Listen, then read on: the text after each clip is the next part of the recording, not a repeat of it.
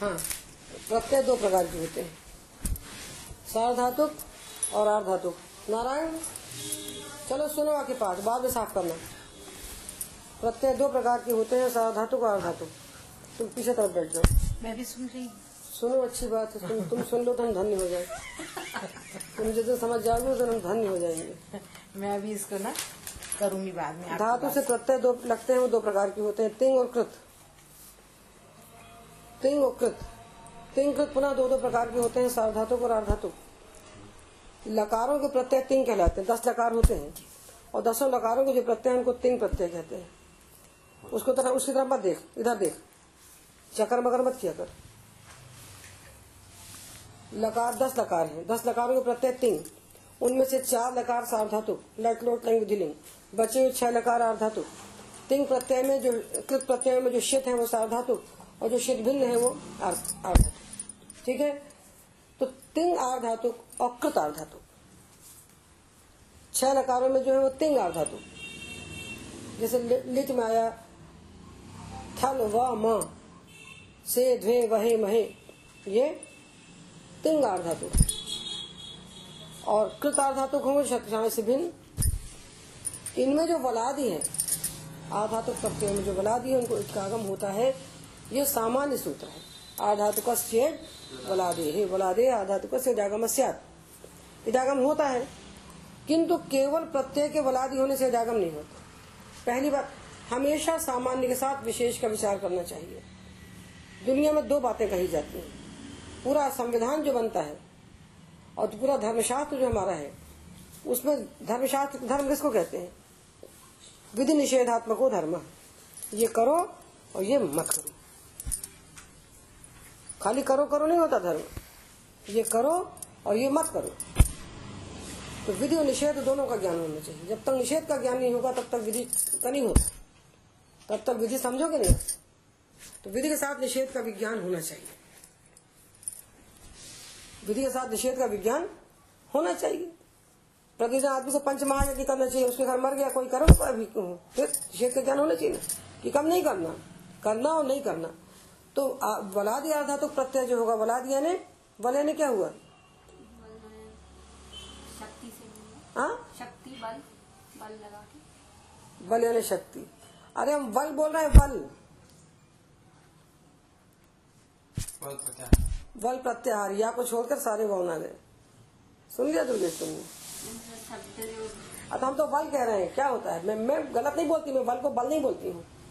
तुम सागर के लोग बोलते हो हम लोग नहीं बोलते। हम वल बोलते हैं तो वल ही बोलते हैं। हम बल बोल रहे हैं क्या? हम बल, गलत बोलते नहीं हम बल को बल नहीं कहते।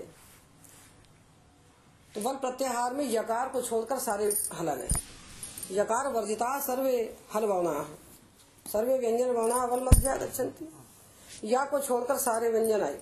ये जिस प्रत्यय के आदि में है उसको जागरण होना चाहिए। ठीक है ना?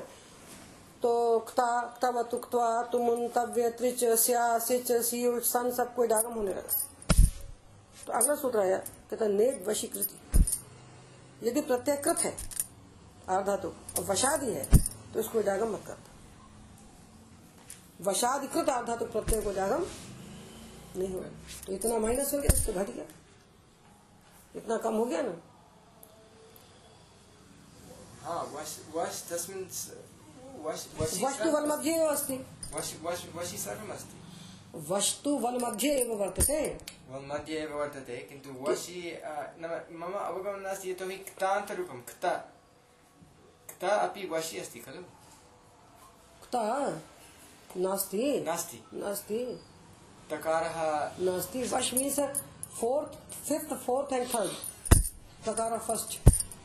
का ख ग घ ङ यह मौन क्रम वर्तते माहेश्वर माहेश्वर सूत्राणां क्रमः कः वर्तते? नियमगमनम् इति वर्गस्य पञ्चम भावना झभय झभय हाँ। हयवरत् इति व इत्यस्मात् आरभ्य। यस्मादारभ्य तर्हि व र ल यार लव अन्तस्थवना यम गणनम पंचम वना झमाय घट दश चतुर्थ वना जब घट दश तृतीय वना अयम ये जो बना है ना सुनो माहेश्वर सूत्र स्वरूप ये उल्टे क्रम से है। पाँच चार तीन दो एक पंचम चतुर्थ तृतीय द्वितीय प्रथम। ये कभी विचार किया है? ये विचार कर लो। ये विचार करो। देखो अयोग अयोच। इनमें स्वर भावना संत अग्रे हाय वरट लण। तो हकार को छोड़ दो। या व र ये क्या है? अंतस्था। इसके बाद यम गणनम ये प्रत्येक वर्ग के पंचम है। प्रत्येक वर्ग का पंचम पहले लिया तो यम गणनम बन गया। फिर प्रत्येक पाँचों वर्गों से चतुर्थ लिया। तो झभय घट घच बना। फिर प्रत्येक वर्ग का तृतीय लिया। तो ज ब ग ड द।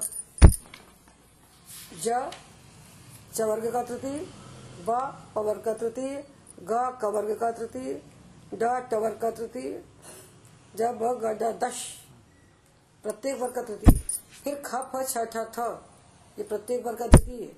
और चट तब कपय ये प्रत्येक वर्ग का प्रथम। और फिर शश सरहल ऊष्म। ये संरचना है माहेश्वर सूत्रों।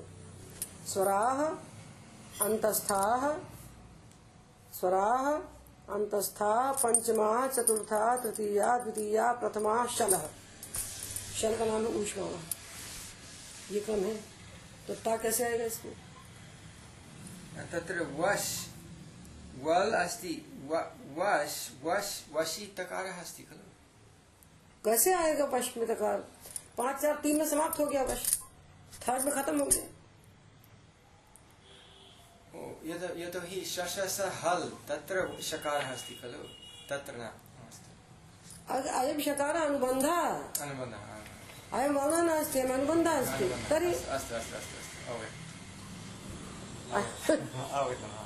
ये अनुबंध है ठीक है हा हा तो वश में आया व र, ल, य। ठीक है? या छूट गया तो है ही नहीं। और, पंचम, चतुर्थ इतने वश में। तो प्रत्येक कृत हो, और वशादी हो तो इडागम नहीं हो। तिंग होगा और वशादी होगा तो हो जाए। तो नल, व, माँ। व, माँ, वहे, महे। इनको इडागम हो जाएगा। क्योंकि वशादी तो है, पर ये तिंग है। वशादी है लिट लकार के प्रत्यय होने से तिंग है। तो वशादी हो और कृत हो तो इडागम नहीं होगा। एक निषेध हुआ, दूसरा निषेध। ती तू त्रता थ, सी सु सर कसेशु च।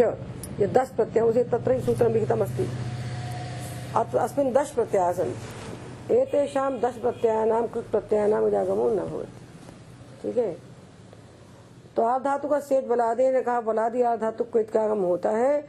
और ये दो सूत्र ने जिनको निषेध किया, इनको उसमें से आप घटा दीजिए, माइनस कर दीजिए। अब जो बचा, उतने बलादी आर धातु को इत्कागम होगा। समझ गए? उतने बलादी आर धातु को इत्कागम होगा, सबको नहीं होगा। तो कितने बचे वो पीछे हमने लिख दिए तीस प्रत्यय। उनको पढ़। लो अब पीछे पीछे।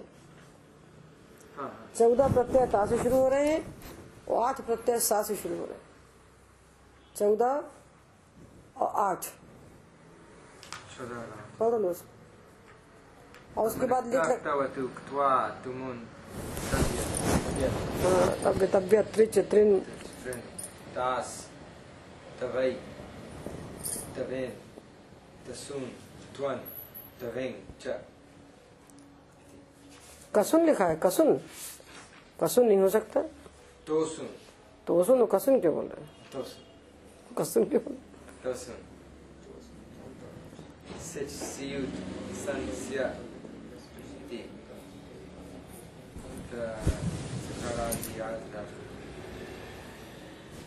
हमने स्कूल के शिक्षकों के लिए शीघ्र बोध लिखा है छोटा सा। स्कूल के शिक्षक कम से कम इतनी एक किताब पढ़ने ना पढ़े पूरे शास्त्र इतना पढ़ेंगे तो उनको सामा, सामा, साम, सामान्य ज्ञान हो जाएगा। ये छोटी सी पुस्तक मैंने लिखी है स्कूल के शिक्षकों के लिए हिंदी में। ये लोग ये भी नहीं पढ़ते हम क्या करेंगे? पढ़ता ही नहीं है कोई। सबको सर्विस चाहिए और सबको पैसा चाहिए। संस्कृत से किसी को मतलब नहीं ऐसे कहते कहते कुछ दिन में हम मर जाएँगे खेल खत्म हो जाएगा क्या करेंगे? कोई होता ही तैयारी नहीं होता। ऐसे ही है। उसके बाद शुचि शुचि श्री मताम श्रीमताम गे है। योग भ्रष्टो भी जाए थे। अब हमको यही चिंता होती कि अगले जन्म पैदा कहाँ होंगे? फिर पता नहीं कहाँ पैदा होंगे। फिर ये काम होगा कि नहीं होगा? तुम्हारे घर तो नहीं पैदा होंगे। तुम पढ़ाओगे नहीं हमको। तुम पढ़ाओगे नहीं करोगे हमको। हम ढूंढ रहे हैं।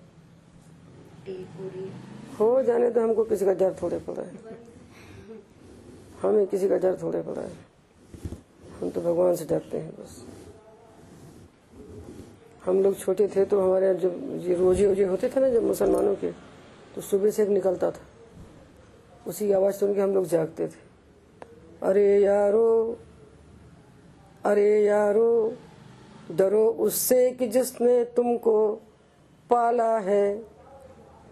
पढ़ो कलमा मोहम्मद का, जो जग सबसे निराला है। सब सुबह चिल्लाता था।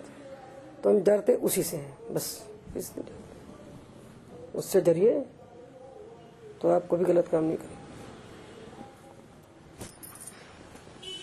तो तुम्हारा रिकॉर्ड हो गया कलमा पढ़ो मोहम्मद का।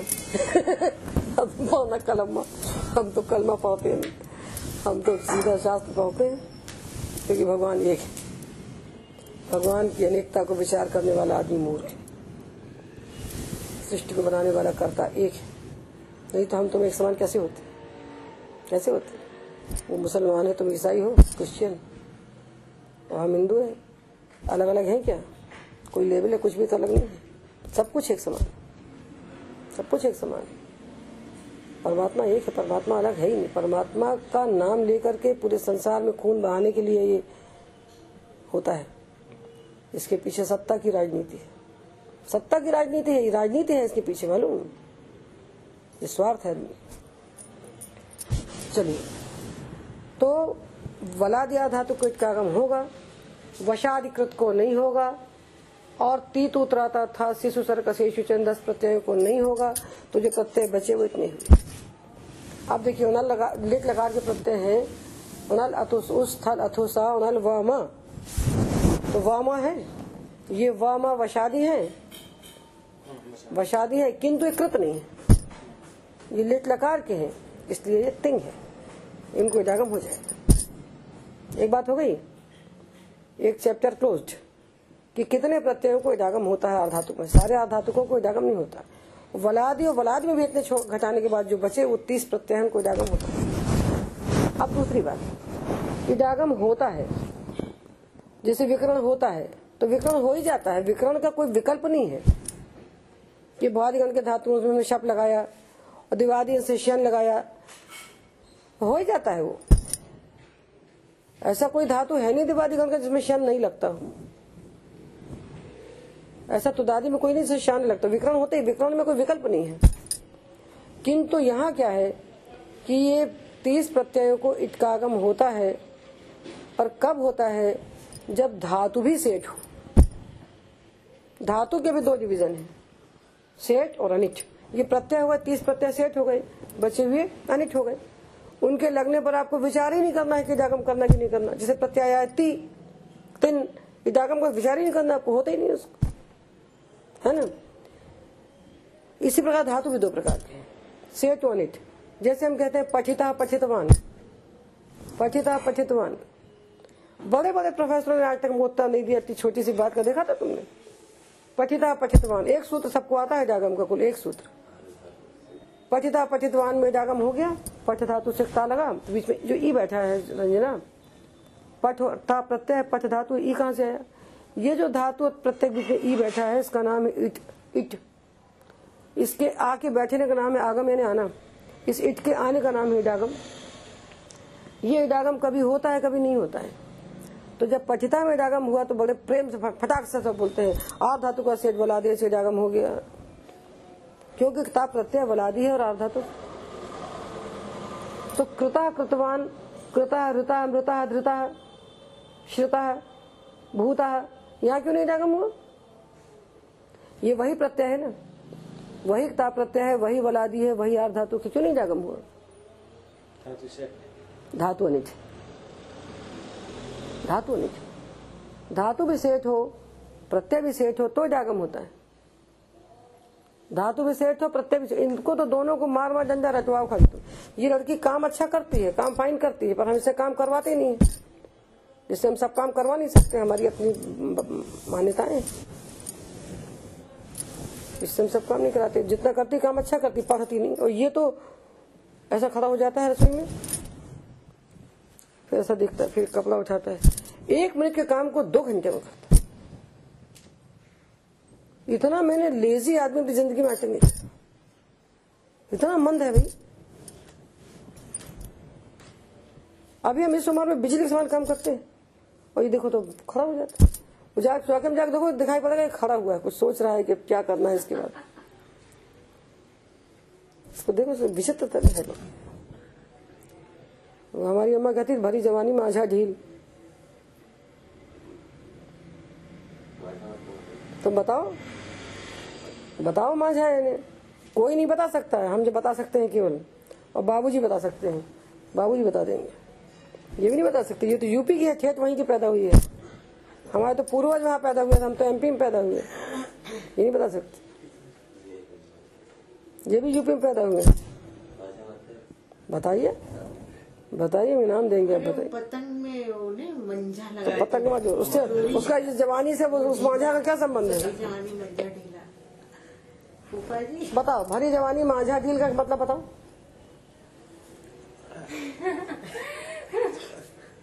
युवा अवस्था है और कर्मठता नहीं। गलत मांझा का मतलब बताओ।